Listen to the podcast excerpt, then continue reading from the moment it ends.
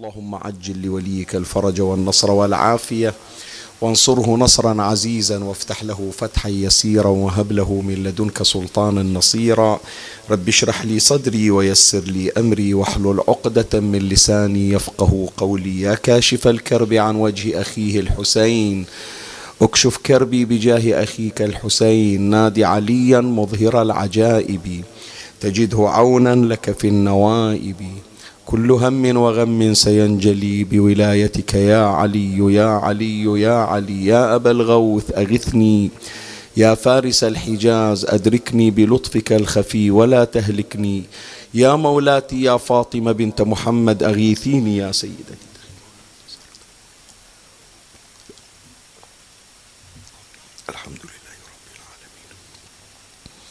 صلى الله عليك يا سيدي ويا مولاي يا رسول الله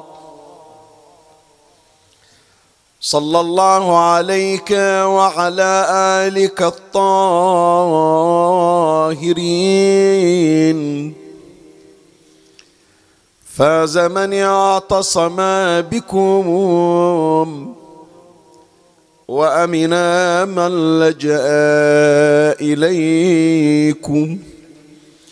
يا ليتنا كنا معكم سادتي فنفوز فوزا عظيما. جاء في دعاء الندبة الشريف. اللهم صل على محمد وآل محمد وعجل فرجهم. بنفسي أنت من عقيد عز لا يسامى.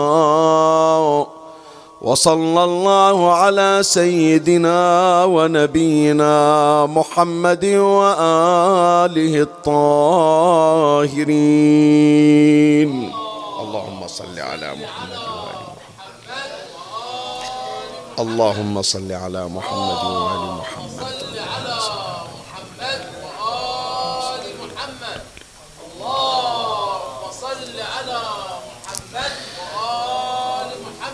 من الأوصاف التي ذكرها دعاء الندبة الشريف ونسبها إلى إمامنا الحجة بن الحسن عجل الله فرجه الشريف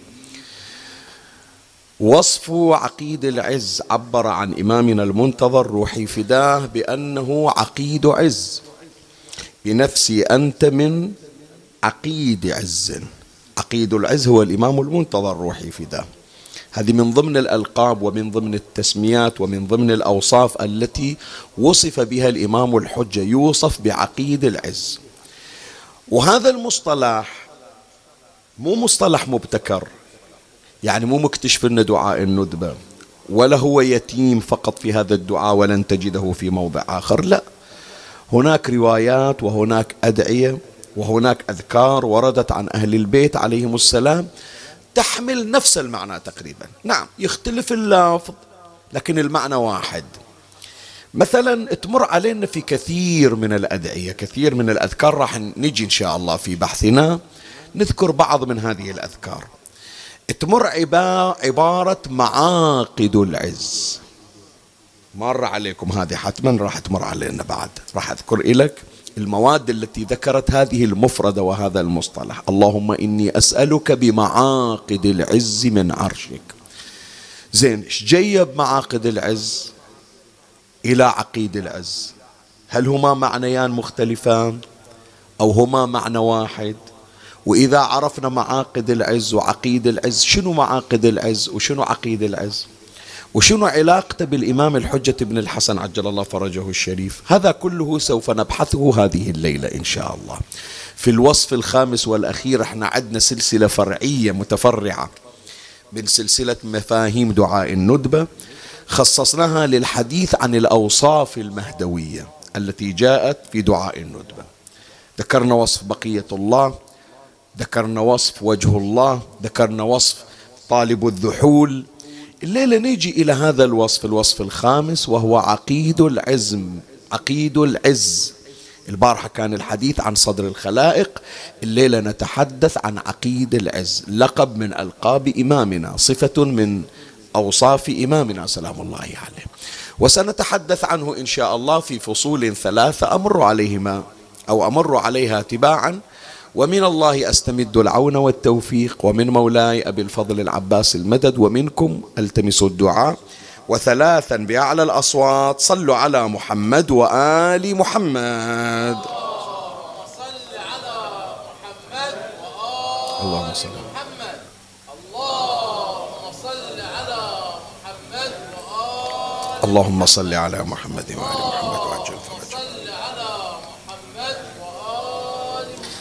مولاي الكريم أنت حيثما كنت اسمعني وفرغ لي قلبك وأعرني سمعك وأقبل علي بكلك.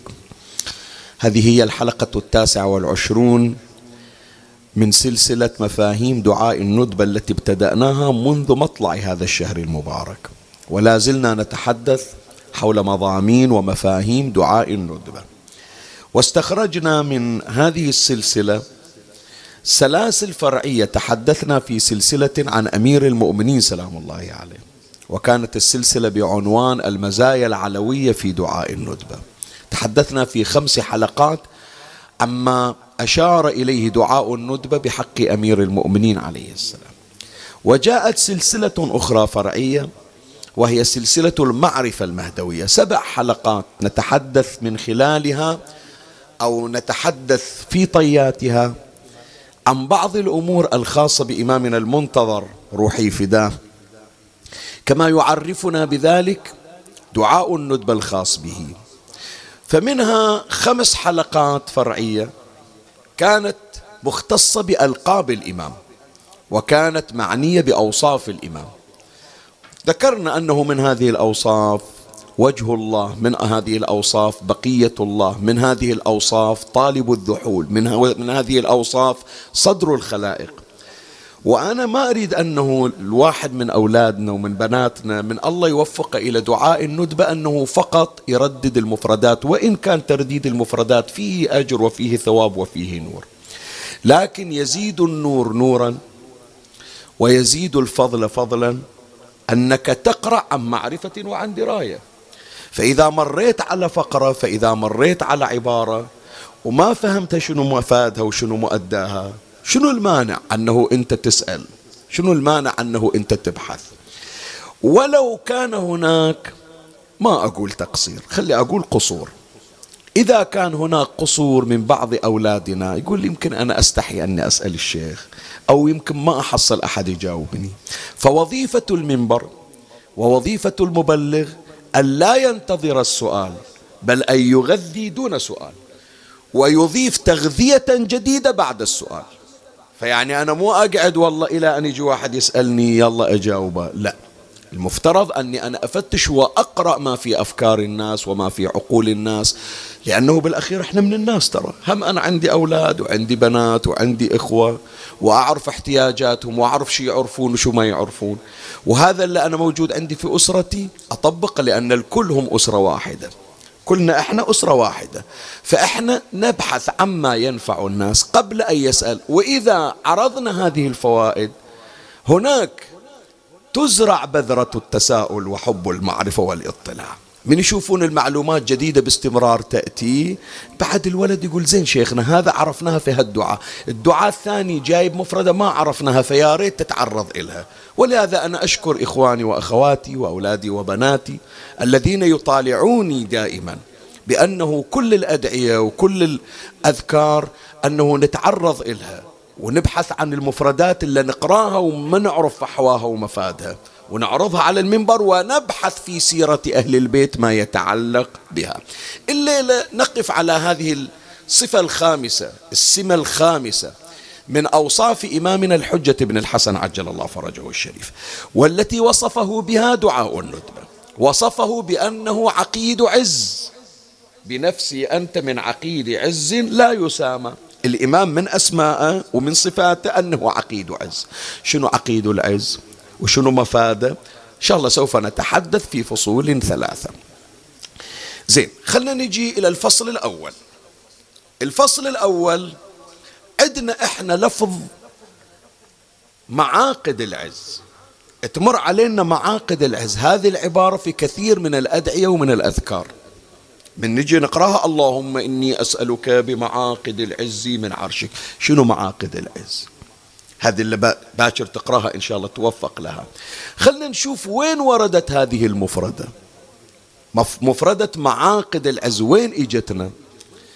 يمكن البعض من أولادنا وإخواننا يتذكر أن هذه المفردة وردت في الدعاء الذي نقرأه بعد صلاة جعفر الطيار.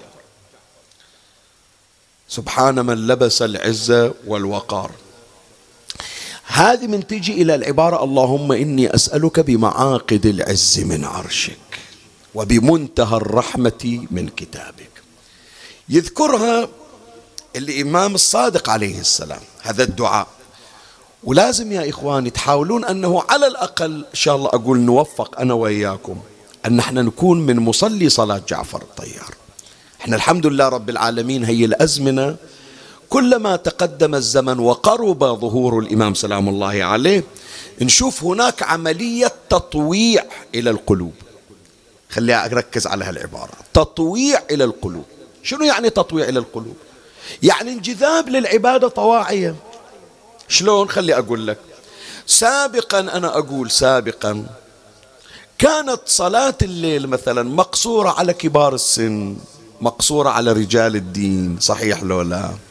مقصورة على بعض الأسار يمكن لا أعد الحقيقة إذا قلت أكو عدد ما أقول غالبية لا ما راح أقول غالبية. بس أقول عدد ليس بقليل هاجر صلاة الليل ولم يصلها في حياته.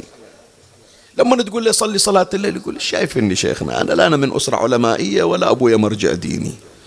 زين هذا الزمن اللي إحنا فيه الآن لا نشوف أطفالنا عندهم حرص على صلاة. أطفال أحكي لك. بعض من أطفالنا دون البلوغ ما وصل إلى سن التكليف لكن صار مدمن على صلاة الليل. وصار هناك تواصي حتى بين الأطفال. إذا هم يروحون الموكب ويا بعض إذا هم يروحون مثلا الاستماع ويا بعض إذا هم يروحون درس التكليف ويا بعض.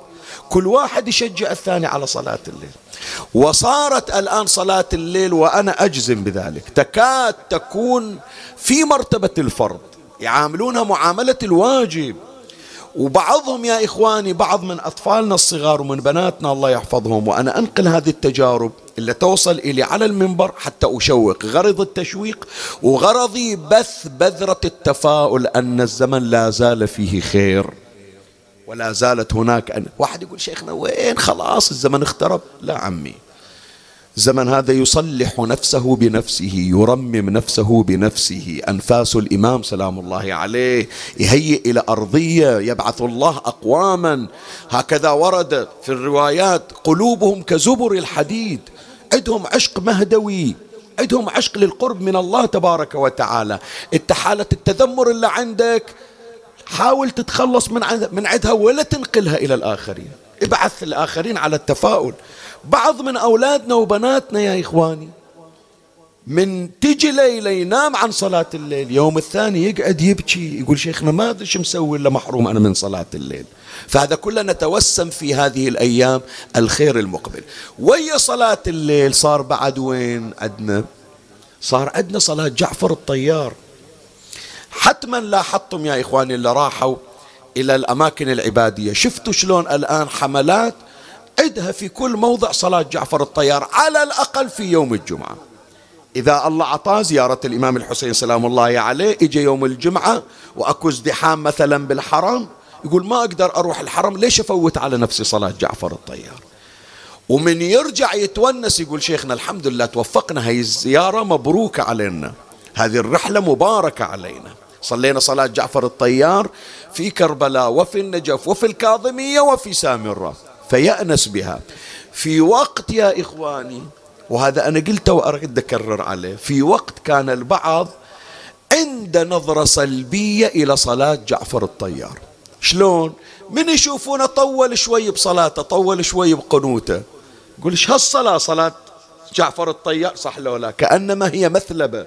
كأنما هي سبة كأنما انتقاص. ما يقول بأنه إذا الله وفقني لصلاة جعفر الطيار هذا خير من الله قد ساقه لي. فأنا أريد يا إخواني قبل لا أقرأ الرواية وأتمنى هي الرسالة الشباب جزاهم الله خير في الكادر الإعلامي يهتمون باقتطاعها وبترويجها. أئمتنا عليهم السلام يصلون صلاة الليل في كل ليلة.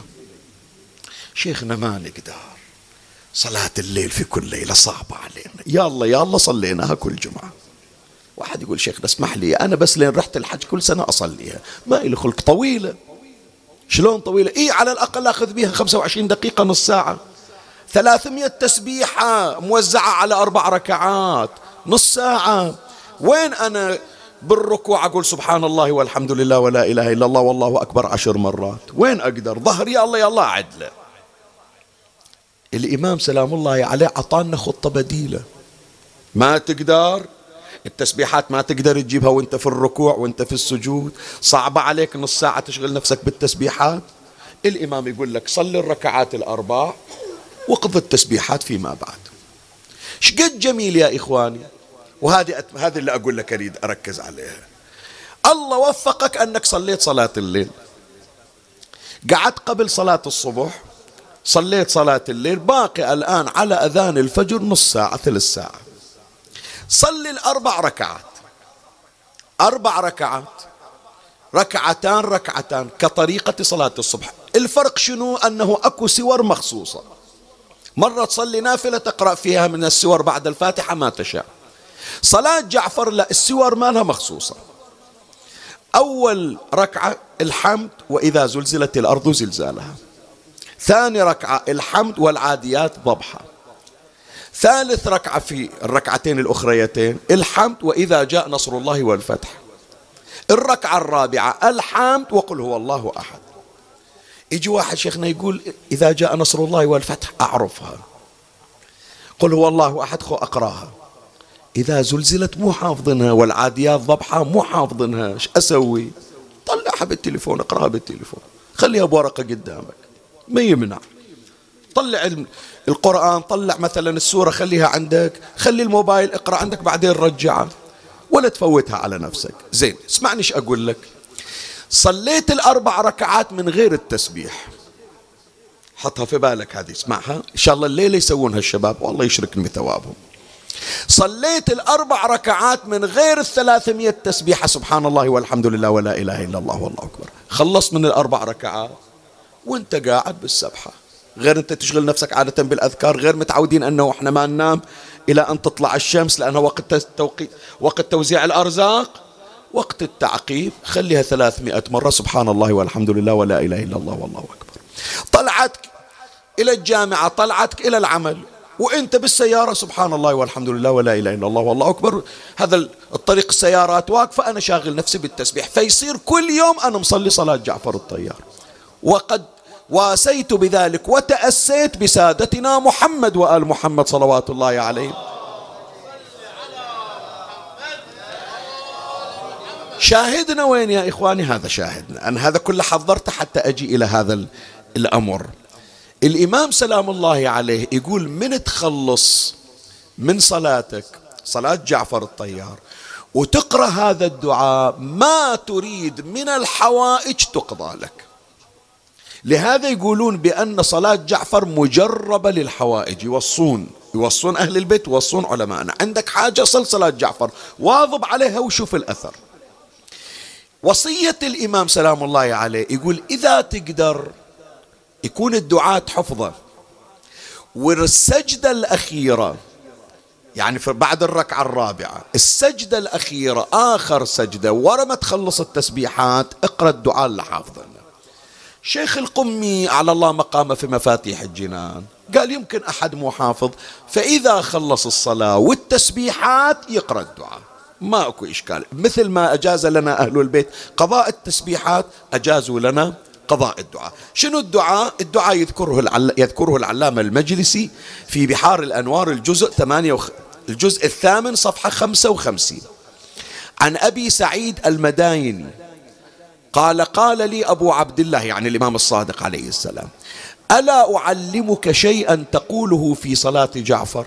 يقول صلاة جعفر خير راح أعطيك دعاء خير على خير ونور على نور. ألا أعلمك شيئا تقوله في صلاة جعفر؟ فقلت بلى. فقال إذا كنت في آخر سجدة من الأربع ركعات فقل إذا فرغت من تسبيحك سبحان من لبس العز والوقار.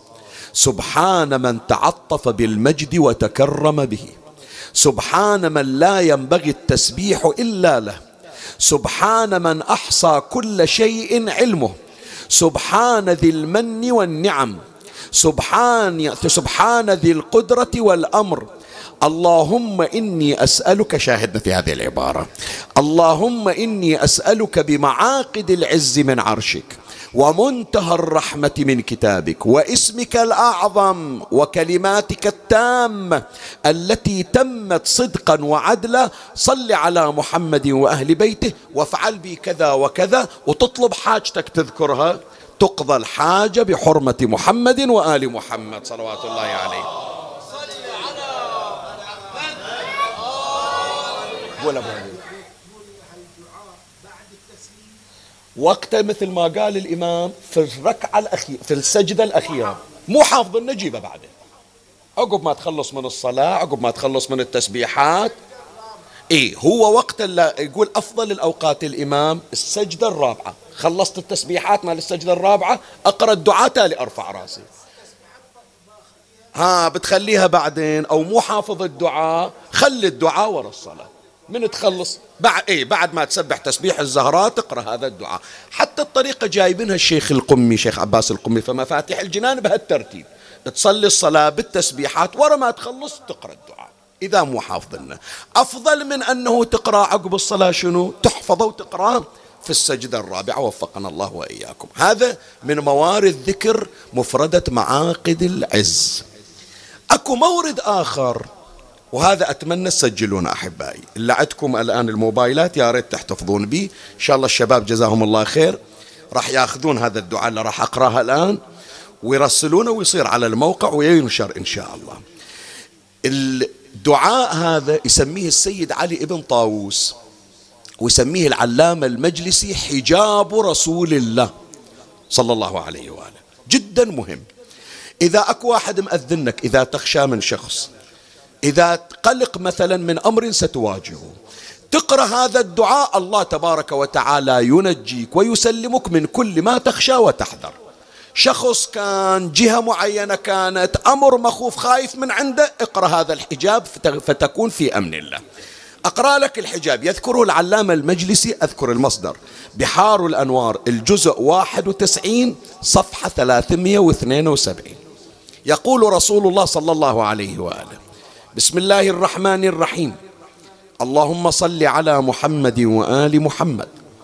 وجعلنا على قلوبهم أكنة أن يفقهوه. وفي آذانهم وقرا. وإذا ذكرت ربك في القرآن وحده ولوا على أدبارهم نفورا. اللهم بما وارت الحجب من جلالك وجمالك. وبما أطاف به العرش من بهاء كمالك. وبمعاقد العز من عرشك وبما تحيط به قدرتك من ملكوت سلطانك. يا من لا راد لأمره ولا معقب لحكمه. اضرب بيني وبين أعدائي بسترك الذي لا تفرقه العواصف من الرياح ولا تقطعه البواتر من الصفاح ولا تنفذه عوامل الرماح. حل يا شديد البطش بيني وبين من يرميني بخوافقه ومن تسري إلي طوارقه وفرج عني كل هم وغم. يا فارج هم يعقوب فرج همي. يا كاشف ضر أيوب اكشف ضري. واغلب لي من غلبني يا غالبا غير مغلوب. ورد الله الذين كفروا بغيظهم لم ينالوا خيرا وكفى الله المؤمنين القتال وكان الله قويا عزيزا فأيدنا الذين آمنوا على عدوهم فأصبحوا ظاهرين وصلى الله على سيدنا ونبينا محمد وآله الطاهرين.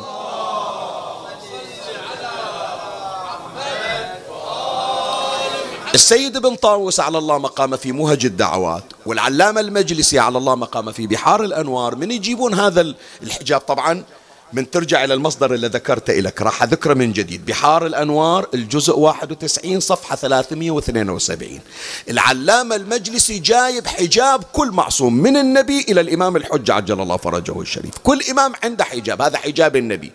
ويقول بأنه يحتجبون به ممن أرادوا الإساءة إليهم كل واحد يريد يأذيهم. افرض جايبين الإمام زين العابدين جايبين الإمام الهادي جايبين الإمام العسكري جايبين الإمام الصادق الإمام الكاظم. يقرأ هذا الحجاب فينجيه الله من كل سوء ببركة حجاب نبينا محمد صلى الله عليه وآله.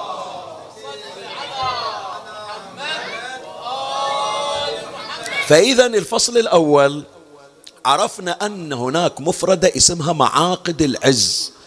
إذا أقسم أهل البيت بها الله تبارك وتعالى يستجيب لهم. معاقد العز. زين سؤال في الفصل الثاني. من هم معاقد العز؟ إلا ما تقسم بهم على الله إلا الله استجاب لك من هم؟ هم سادتنا محمد وآل محمد صلوات الله عليهم.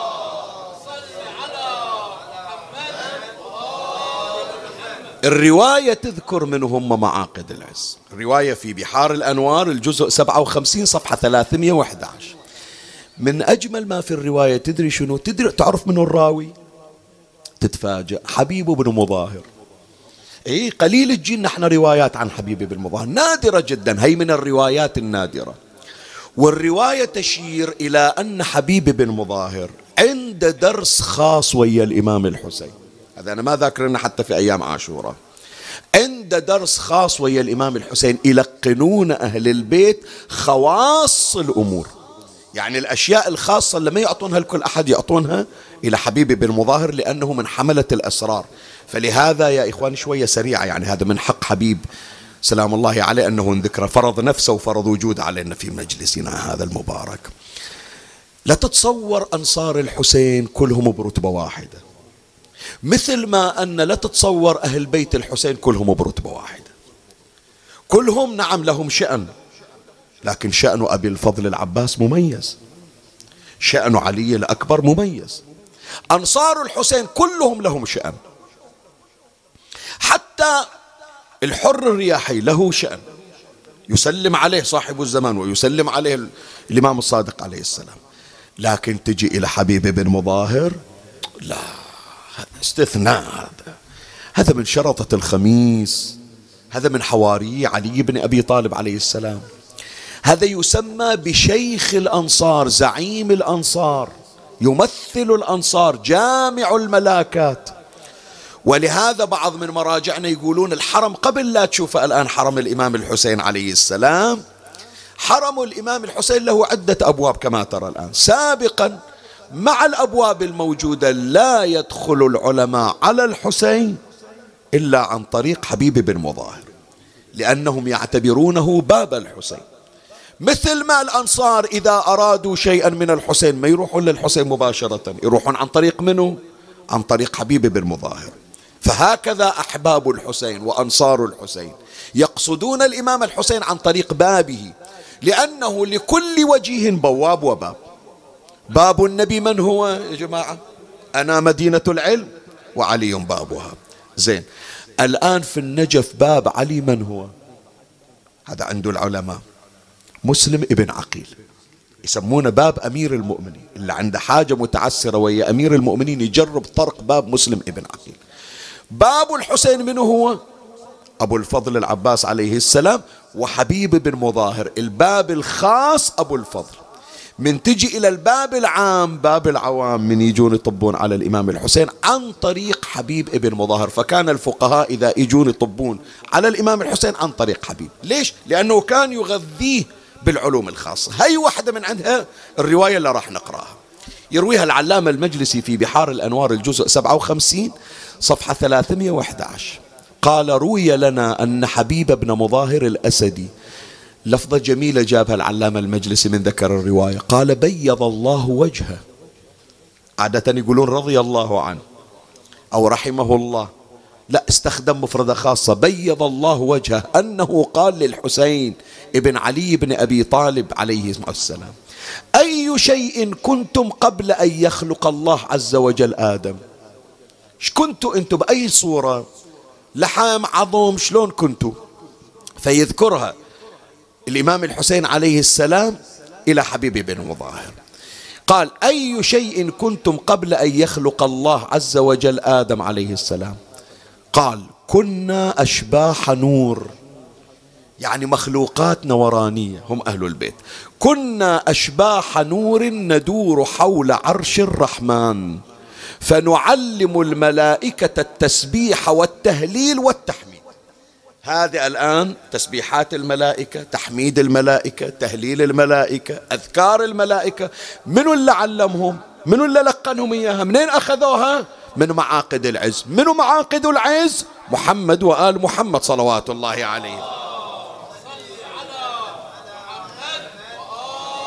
فلهذا سر أسماء معاقد العز. يستعين بها الأنبياء. بحيث إذا أكو شيء مهما كان متعذرا متعسرا فإنه يحل ويتسهل بأسماء معاقد العز وهم أهل البيت. من أجمل ما يسعفني وهو من أصعب الأمور وليس هناك شيء صعب ولا متعسر على الله عز وجل. لما جاء موسى الكليم عليه السلام ببني إسرائيل إلى البحر مطلوب من عنده شو يسوي؟ أن يشق البحر.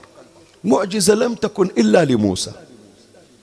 أنا أريد أعرف بس يا جماعة الكلمات التي استخدمها موسى ابن عمران لشق البحر شنو؟ فكر فيها. وحتى تعرف عم القضية مي سهلة؟ لا مي سهلة. شوف كم معجزة بمعجزة. شق البحر مي معجزة واحدة مجموعة معاجز في معجزة واحدة. أولا البحر انشق إلى نصفين. كل قسم رجع إلى الوراء فصار هناك خط أشبه بالشارع بين هذا الفرق وهذا الفرق. هذه أول معجزة. ثاني معجزة الأرض اللي المفروض يمشون عليها خول ما يوخر لكن بقايا الماء مترسب في الطين. فاللي راح يعبر الآن شو راح يصير به يغوص في الرمل. جف الرمل وجفت الأرض حتى صارت يبسا أشد من اليابسة التي هي خارج البحر. هذه اثنين. ثلاثة. إجت معجزة أخرى. بنو إسرائيل احتجوا على موسى. قالوا إحنا ما مستعدين إنه نعبر. ليش ما مستعدين تعبرون؟ قالوا مو إحنا أصباط 12 كلنا عيال عم. إحنا 12 عم. وكل أسرة تنتمي إلى أحد الإخوة. وإحنا بيننا خلافات. ونخاف من نعبر بالطريق. تصير النزاعات وتصير المشاكل. شوف العقلية شلون. زين أنتوا فرعون جايينكم. أنتوا فرعون جايينكم الآن تفكروا في نزاعاتكم. دخيل الله خلوا النزاعات ورا ما تجتازون البحار. ذيك الساعة اللي بتسوونها سووا. قالوا لا فرعون أهون علي من ابن عمي يتقدم علي. شو تقول أنت؟ شوف شوف أي نعم شوف التعصب من يجي إلى الآن ترى. إلى الآن. كم من شخص يا إخواني استعان بظالم على ابن عمه وقريبه. تواريخ الشكل تنقل. بلدان كثيرة هكذا. أصلها شنو؟ ابن عم من يشوف نفسه ضعيف أخو من يشوف نفسه ضعيف قدام الأخ وقدام ابن عم مستعد أنه يسلم كل ما يملك إلى الظالم القاسي ويعرف بأنه سينتقم منه فيما بعد. لكن بطش الظالم على قلبه أهون أهون عليه من أن يرى ابن عمه متنعما وداعتك. ترى هذا من قديم موجود. فكان من مواجهات موسى عليه السلام. ويا قوم بني إسرائيل؟ قالوا له ما راح نعبر. زين الحل وياكم شلون؟ قالوا غير أنت شقيت البحر ضربت العصا على البحر والبحر انشق لك نصين. قال إيه؟ قال اللي خلاك تسوي طريق يخليك تسوي 12 طريق. نريد كل عائلة تمشي بطريقة بروحها. تفضل. يعني هي القصدية إحنا جايبينها تتذكرون مرينا عليها. بس أنا جايبينها الآن موضع الشاهد. فموضع شاهدي وين؟ ما هي كلمة السر التي استخدمها موسى ابن عمران؟ حتى انشق له البحر وحتى جفت أرض البحر. وحتى انفتح من بدل الطريق اثنا عشر طريقا. يذكرها الإمام العسكري عليه السلام في بحار الأنوار الجزء 13 صفحة 139 قال الإمام العسكري عليه السلام إن موسى لما انتهى إلى البحر أوحى الله عز وجل إليه قل لبني إسرائيل جددوا توحيدي. ردوا ارجعوا قولوا لا إله إلا الله. حتى تعرف شلون الأذكار إلها أثر يا إخواني في جلب الخير. جددوا توحيدي وأمروا بقل يحتاج من عندك إلى صلوات مرتفعة. وأمروا بقلوبكم ذكر محمد سيد عبيدي وإمائي.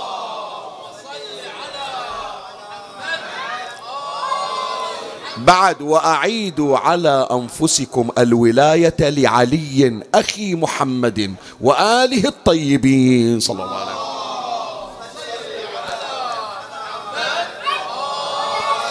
وقولوا اللهم بجاههم جوزنا على متن هذا الماء فإن الماء يتحول لكم أرضا.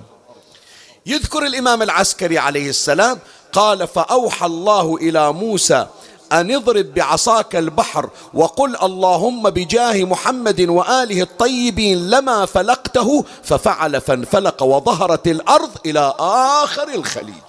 اللهم فإذا يا إخواني معاقد العز التي مجرد أن نقرأ الدعاء اللهم إني أسألك بمعاقد العز من عرشك من هم سادتنا الأطهار صلوات الله عليهم. هذا الفصل الثاني الفصل الثالث الأخير وهو الإجابة على هذا السؤال. ماذا يعني عقيد العز؟ غير إحنا قلنا أوصاف الإمام المهدي دعاء الندبة هذه السلسلة الليلة الحلقة الخامسة والأخيرة من السلسلة الفرعية الأوصاف المهدوية. وقلنا بأنه من أوصاف الإمام اللي يذكرها دعاء الندبة عقيد العز. بنفسي أنت من عقيد عز لا يسامى. شنو يعني عقيد العز؟ يعني هو أحد تلك الأنوار التي كانت تدور حول عرش الله. إي نعم. وهو أحد تلك الأسماء التي استعان بها موسى ابن عمران ففلق البحر اثني عشر فرقة. اسم الإمام الحجة روحي يسمونه عقيد العز. وشنو معنى عقيد العز؟ خلي أجيب لك شرح العلامة المجلسي تفسيره إلى معنى عقيد العز. يذكرها في البحار بحار الأنوار الجزء 99 صفحة 123 قال العلامة المجلسي على الله مقامه من وقف عند عبارة من عقيد عز قال أي أي الذي عقد وشد عليه العز. يعني الله جاب العز وربط على الإمام الحجة روحي فداه أي الذي عقد وشد عليه العز فلا يغفارقه أو عز معقود وفيه ما ورد في الدعاء أسألك بمعاقد العز من عرشك. والمعنى حليف العز يعني العز لا يفارق الإمام وكل إنسان يرى بأن عزه في خطر يتوسل بعقيد العز وهو منه صاحب الزمان. إذا العز راح من عنده يرجع للعز. وإذا عز في تهديد ومو قادر يحافظ عليه يستعين بالله تبارك وتعالى باسم معاقد العز المحدقة بعرشه وهو الإمام سلام الله عليه. يعني. أذكر لك قضية مسك الختام يعني. هالمقدار كافي؟ إحنا جايين بس هذه الليلة نبين هذه الصفة وهذا اللقب حتى نزرع في نفوسنا ونفوس أبنائنا. التوسل والاستغاثة بصاحب الزمان في الشدائد.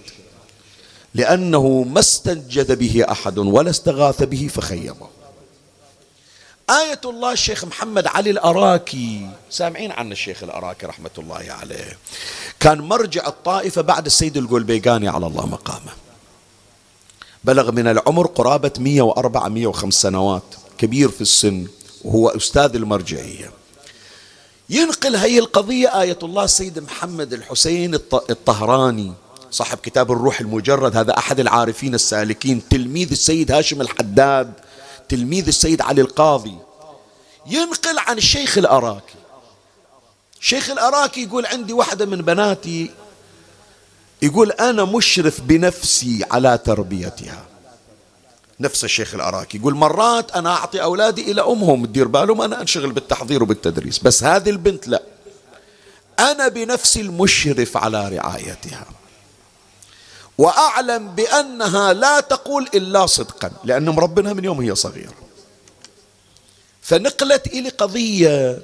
هذا الآن الشيخ العراقي ينقل عن منه عن بنته ويخبر الطلبة ويخبر العرفانيين.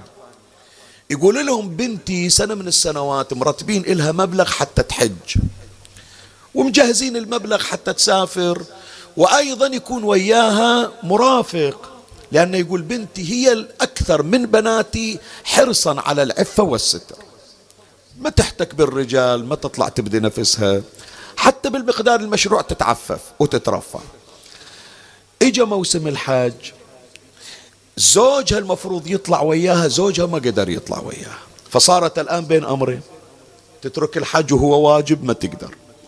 تطلع تروح الحج من غير زوجها مترددة. تقول شلون زين؟ شلون أطوف؟ منو يجي يطوفني؟ أجنبي. ثم أنا ما متعودة أنه ألتصق بالرجال وإن كان هذا بعد الطواف يعني. بس تقول أنا مبتعدة عن هذا الأمر. وهذا يا إخوان التربية التربية النقية التربية الطاهرة التربية فعلا اللي هي تربية الأئمة بهكذا. شايف أنت نفسك لما تصحى يوم من الأيام ما لحقت على الصلاة بأول الوقت. صير عندك انفعال مو طبيعي. بعد لو الله لا يقول تنام عن صلاة الصبح وتقعد وإذا الصلاة قضى شو يصير بيك ذاك اليوم؟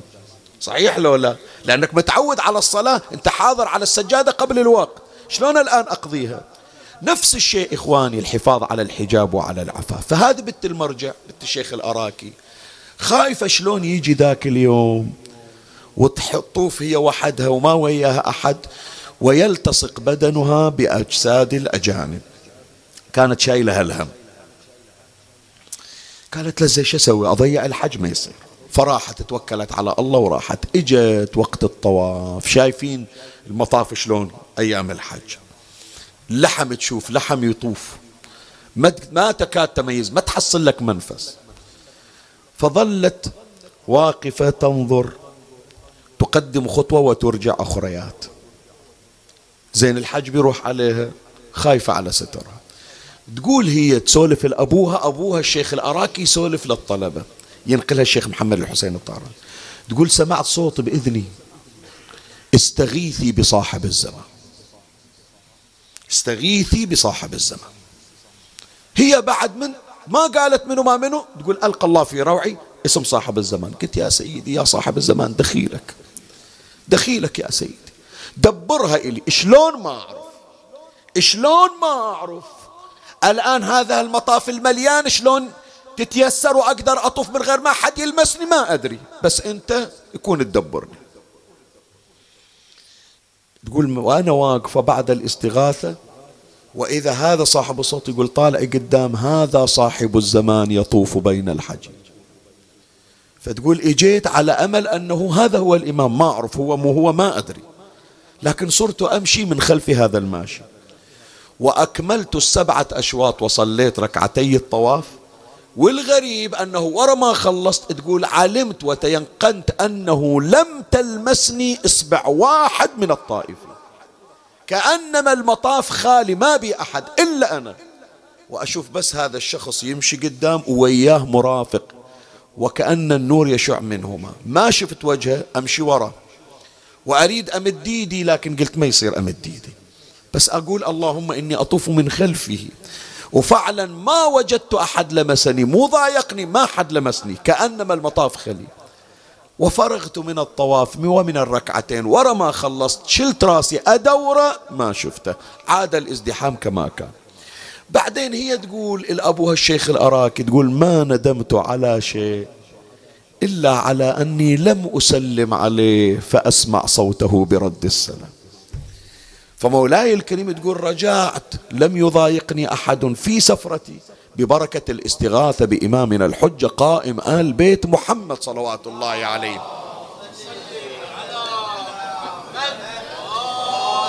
فالإمام سلام الله عليه حافظ العز وجالب العز. إخواني خلاص مجلسنا انتهى. اللي يريد العز من الله العز عن طريق أهل البيت. واللي يريد العز من الله والجاه يحصله من إمامنا عقيد العز صاحب الزمان. خير مثال خير شاهد يذكرون كل العلماء ويذكر العلامة المجلسي على الله مقام في بحار الأنوار الجزء 53 صفحة 255 قصة الشيخ المفيد على الله مقامه. شيخ المفيد وين مدفون يا جماعة؟ على بعد أمتار من إمامنا موسى ابن جعفر سلام الله يعني ليش سموه ومن اللي سماه الشيخ المفيد؟ حجة ابن الحسن في الرسالة يذكرها الشيخ الطبرسي الشيخ الطبرسي يذكرها في كتاب الاحتجاج. يقول له أفد يا مفيد وعلينا التسديد. الله شنو هذه؟ يكتب إلى الإمام يكتب إلى رسالة إلى الأخ السديد والمولى الرشيد. يسميه أخويا ويقول له أنت مسدد بي. أنا اللي أسددك لأنك تمثلنا المرجعية الصادقة وهي مراجعنا تمشي على ذاك الخط وعلى ذاك الامتداد شيخ المفيد يا جماعة وين قولوا لي؟ وين كان ساكن؟ ببغداد مو بالكاظمية ببغداد بغداد تنوع الأطياف. أكثر من مذهب هناك. وفي فترة من الفترات خصوصا الفترة اللي كان فيها الشيخ المفيد كانت فترة صراعات مذهبية. بس هكذا هي تربية أهل البيت. لم الشمل توحيد القلوب تأليف الأفئدة نقل محاسن قولوا للناس محاس علموا الناس محاسن كلامنا. خلي يشوفون أخلاقنا حببوا الناس فينا. إنهم إن رأوا ذلك منهم قالوا رحم الله جعفرا فلقد أذب شيعته. فيسرني ذلك. شيخ المفيد مشى على هالمنوال. ولهذا في جنازة الشيخ المفيد مشى الإمام الحجة بن الحسن. روحي فدا. ويوم مشى الإمام في جنازة من غير ما حد يعرفه سبحان الله صار جذب إلى القلوب. فلهذا خرج في تشييع الشيخ المفيد ثمانون ألف نسمة. إيه إيه هكذا في ترجمته. في ترجمته خرج أهل بغداد. سنة وشيعة. بل هكذا يذكر صالح وطالح. حتى المنحرف ما يحب المتدينين الله قذف في قلبه مودة الشيخ المفيد. من وين؟ عز الإمام سلام الله يعني إعزاز الإمام له هذا الإعزاز المهدوي. دفنوا الشيخ المفيد. اجوا يوم الثاني يقرون على قبر فاتحة. وإذا يشوفون خط على قبر الشيخ المفيد. يوم طابقوا الخط شافوا خط الإمام الحجة. تقول لي من وين محصلين خط الإمام الحجة؟ المكاتبات. المكاتبات اللي كان كاتبها الإمام إلى السفراء الأربعة فشايفين خط الإمام وعارفينه. وإذا نفس الخط مكتوب على قبر الشيخ المفيد. الآن تروحون الله يعطينا وإياكم إن شاء الله زيارة الكاظميين والعتبات المقدسة. من توقفون على قبر الشيخ المفيد. الأبيات مكتوبة بخط مستنسخ مو نفس الكتابة لا. بس محطوطة الآن حتى من تقرأ فاتحة تشوف اللي مكتوب بخط الذهب. إيش كتب الإمام على قبره؟ لا صوت الناعي. بفقدك إنه يوم على آل النبي عظيم.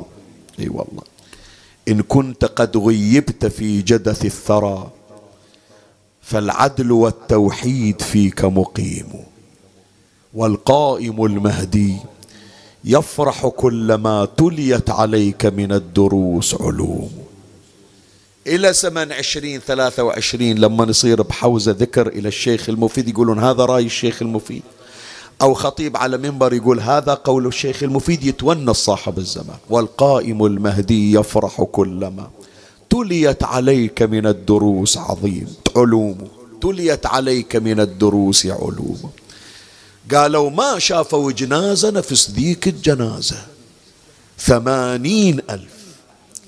الخلافات اللي كانت موجودة كلها ذابت أيام الفاتحة. النزاعات اللي كانت المذهبية كلها تلاشت ذيك الأيام. ليش؟ هذا عزة المهدي هذا الإعزاز المهدوي. إذا أراد الإمام أن يعز أحدا أعزه ولو بعد حين. بس احكي ويا إمامنا. الله يا مولاي قد حنون على شيعتك. الله يا سيد إيش قد عطوف عليهم. يسمع عن واحد من شيعته متأذي الإمام يتأذى أكثر من عنده. يقول إيش سوى يوم اللي هللوا عليك؟ شيخ المفيد يوم شالوا جنازتك وهللوا عليك. يقول مثل الطعنة بقلبي. يا ريت ما سمعت ذاك الصوت. لا صوت الناعي. بفقدك إنه يوم على مو بس علي جد النبي تأذى جدي علي تأذى. كلنا أهل البيت متأذين عليه. يوم على آل النبي عظيم. مولاي يا فرج الله شيخ المفيد يستاهل تربيتكم. شيخ المفيد يستاهل هذه رعايتكم. الشيخ المفيد يستاهل هذا صار من وراء إشرافكم. في يوم اللي تتأذون تستاهلون يستاهل الشيخ المفيد تتأذون عليه. إيه هكذا هو. إذا مات المؤمن ثلم في الإسلام ثلم لا يسد مكانها شيء وبكت عليه بقاع الأرض التي كان يعبد الله فيها. بس عم مولاي أحكي وياك. إذا الشيخ المفيد يوم عظيم ما تأخرت جنازته حتى اللي مو من مذهبه إجا يشيل النعش حتى اللي من غير عقيدته ومعتقده قال خلوني سووا لي مجال أشيل جنازته. وذاك اليوم ما إجت الليل إلا الشيخ المفيد بالقبر.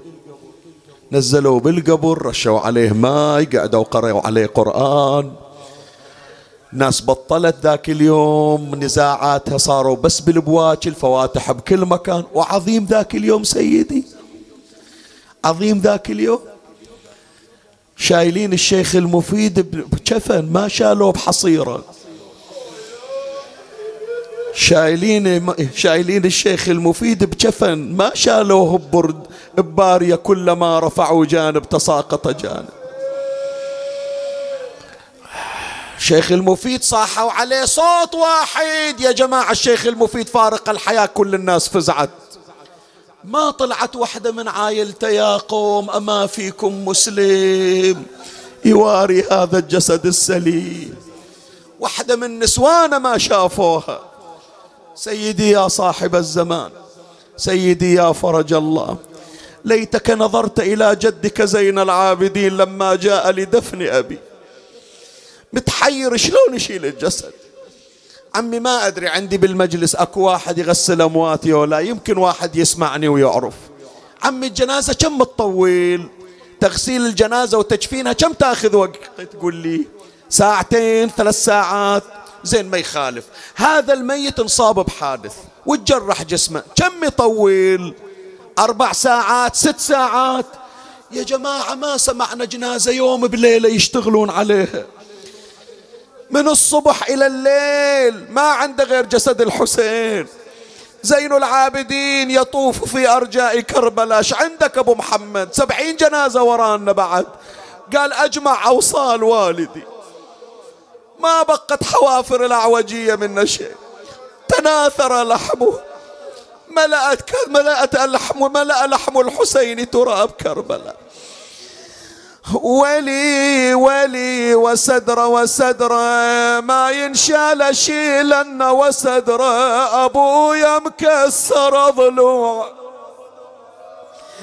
وسدر يا يا يا يا منه الجاب كافوره وسدره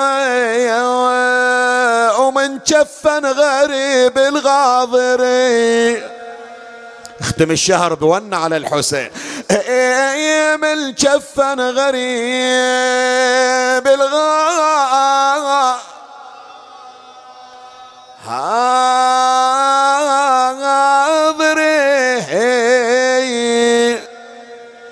إن شاء الله ما تون على قبر أبوك ويخليه لك خيمة تظلل عليك زين العابدين يقول ينشال ينشال عسى كف الشمر ريت اليوم. ينشال يا يا الجرح قلبي بجرح ما بعد. ينشال عاد الميت بتابوت. ينشال ما شفنا يظل مرمي على الوطي. اي ما شفنا يظل مرمي على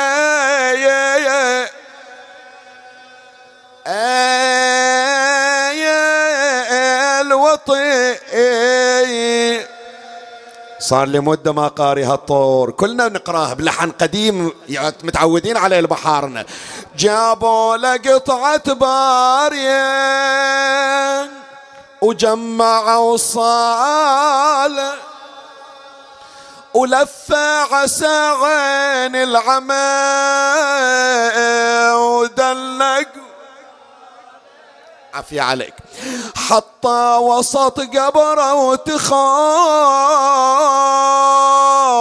وانحنى وحباب نحره والدميع بالخد نثار كلكم تحفظون البيت. لقضي يا أبويا بالبكي فدوة إلك غيرك ما شفنا يكفنونا في يا علي يا علي. من عقب ما يبقى ثلاث أيام. مرمي ولا لك غير وحش البر زوا زينب تقول لأبو محمد لا اسايلك عن الخنصر ولا اسايلك عن قلبه ولا اسايلك عن راسه راسه أدري وينك وبطشته والخيزرانه تنزل عليه. بس سؤال واحد اسايلك أريد انشدك ماي شربت يا دفان رويت قلبه لو دفنت حسينه. بالله يا حفار القبر ردن علي. عطشان اخويا لو شرب قطرة امي يوم الدفن كان رشيت البنية بل كتر دروحا تراه مات عطشان لا يذبح الكبش. حتى يروى من ظمأ ويذبح ابن رسول الله. اللهم صل على محمد وآل محمد. أعوذ بجلال وجهك الكريم أن ينقضي عني شهر رمضان أو يطلع علي الفجر من ليلتي هذه. ولك قبلي تبعة أو ذنب تعذبني عليه. اللهم اكتبنا من عتقائك من نار جهنم. اقض حوائجنا وحوائج المحتاجين وفرج عنا وعنهم يا رب العالمين. سيما من سألنا الدعاء. عجل اللهم فرج إمامنا صاحب العصر والزمان. شرفنا برؤيته وارزقنا شرف خدمته. ترحم على أموات وأموات الباذلين والسامعين وجميع المؤمنين. سيما من لا يذكره ذاكر ولا يترحم عليه مترحم. أوصل لهم جميعا ثواب هذا المجلس الشريف. وبلغهم ثواب الفاتحة مع الصلوات.